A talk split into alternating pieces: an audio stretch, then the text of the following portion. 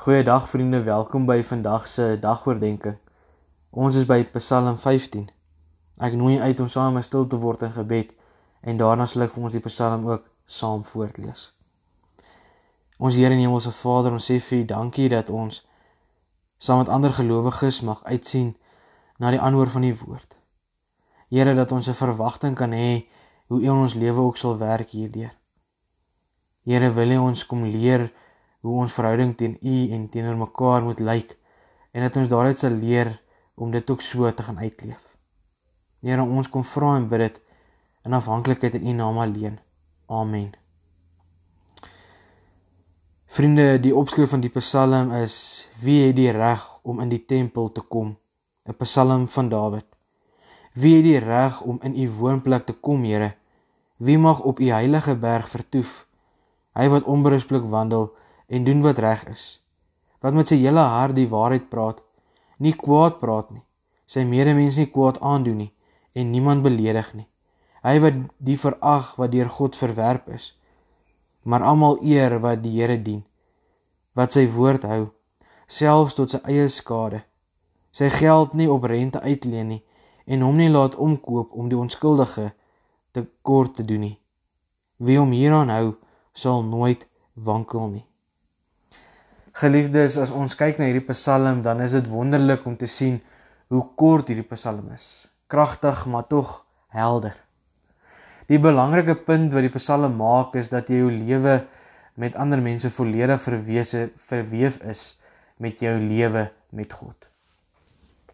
Hoe jy leef prakties elke dag berei jou voor om in God se teenwoordigheid te leef, maar ook anders om om in die teenwoordigheid met jou lewe tot ander te lewe.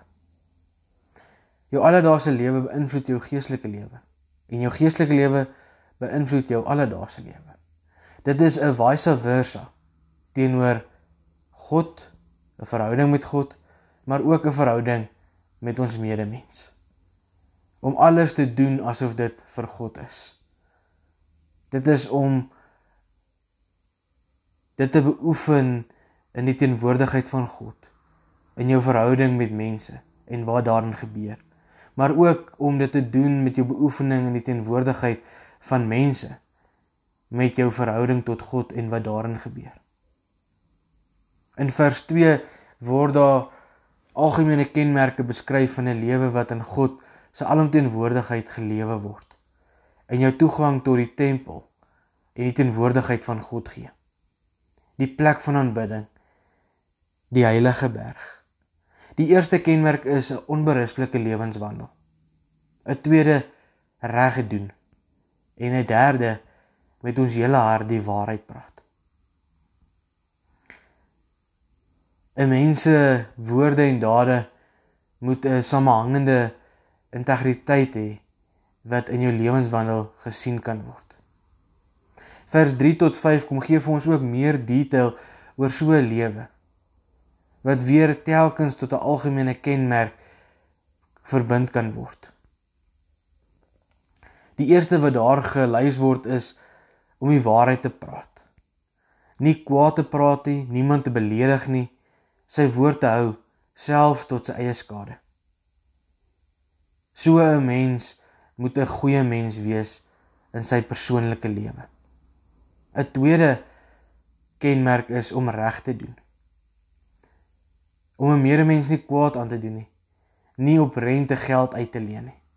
So 'n mens moet 'n goeie naaste wees in sy publieke lewe. En dan die derde, 'n onberisplike lewenswandel.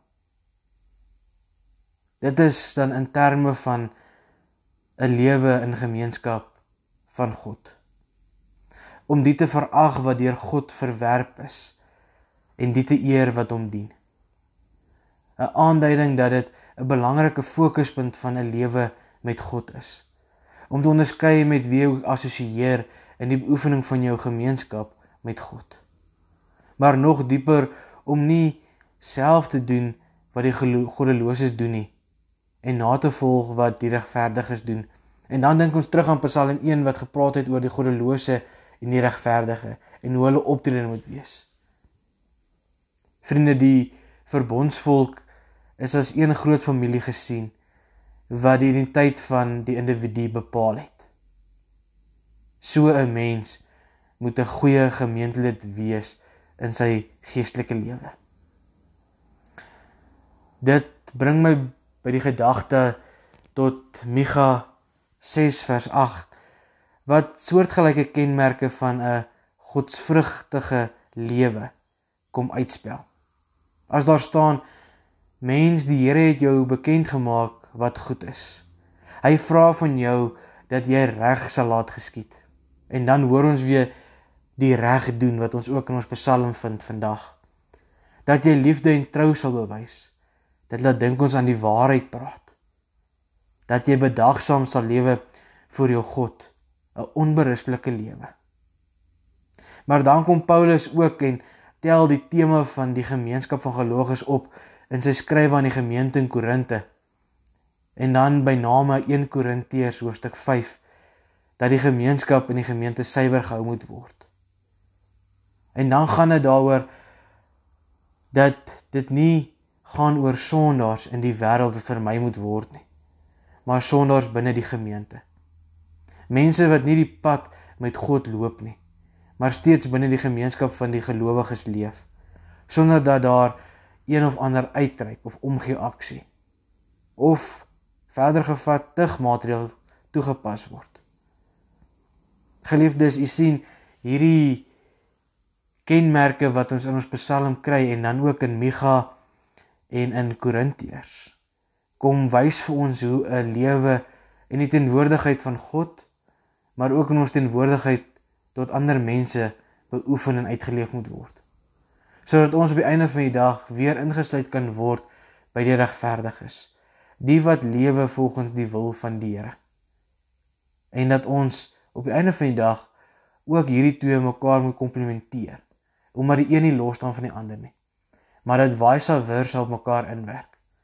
Die beoefening van die teenwoordigheid van God in ons verhouding tot mense en die beoefening van die teenwoordigheid van mense in ons verhouding tot God.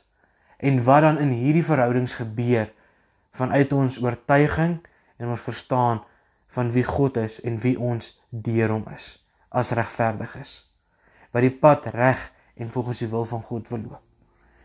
Mag ons aan hierdie kenmerke vashou. 'n onberispelike lewenswandel om reg te doen met 'n hele hart die waarheid praat. Geliefdes, kom ons streef daarna en kom ons kyk na ons eie lewe om ook reg te leef teenoor God en teenoor mekaar. Kom ons bid saam. Here, dankie dat ons vanuit Psalms vanaand kan leer dat ons verhouding met U, ons verhouding met mekaar nie los van mekaar is nie, maar mekaar komplementeer. In vice versa beoefening daarvan. Here, dit bepaal wat daarin gebeur.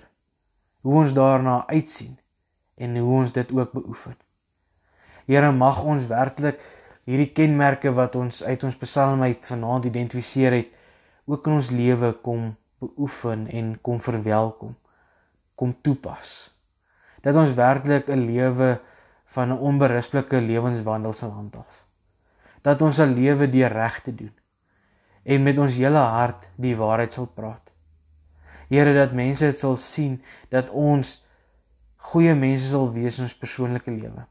Maar ook 'n goeie naaste sal wees tot ons publieke lewe. En ook 'n goeie gemeentelid sal wees in ons geestelike lewe, in ons geestelike gemeenskap tot ander gelowiges. Here kom maak ons sterk, kom vat ons in die hand en stap hierdie pad van 'n regverdige saam met ons. Dat ons binne U wil gehoorsaam sal leef en sal wandel. Here, ons kan dit net onsself uit doen nie en daarom kom vra ons U wees ons genadig en gee vir ons die krag om dit te doen deur die leiding van U Heilige Gees. Here, wees ook vanaand met ons. Beskerm bewaar ons en hou ons vas in U liefde en U vrede en in U seën. Ons dankie vir dit wat ons in U oorvloed ook uit U hand het ontvang. Amen. Mag jy 'n geseënde aand geniet. Groete.